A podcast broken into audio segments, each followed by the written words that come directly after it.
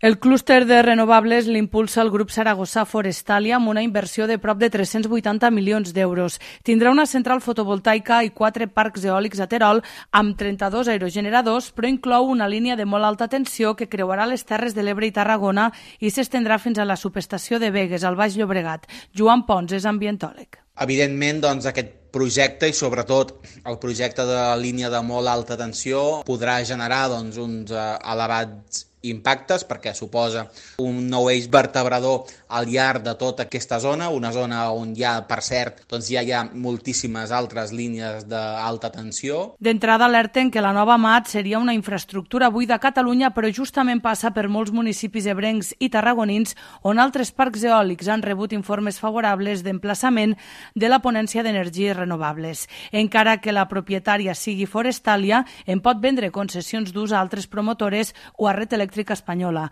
Les entitats denuncien que la publicació del projecte s'hagi fet en ple mes d'agost perquè la manca de recursos dels ajuntaments i les institucions els deixen desemparats per oposar-s'hi.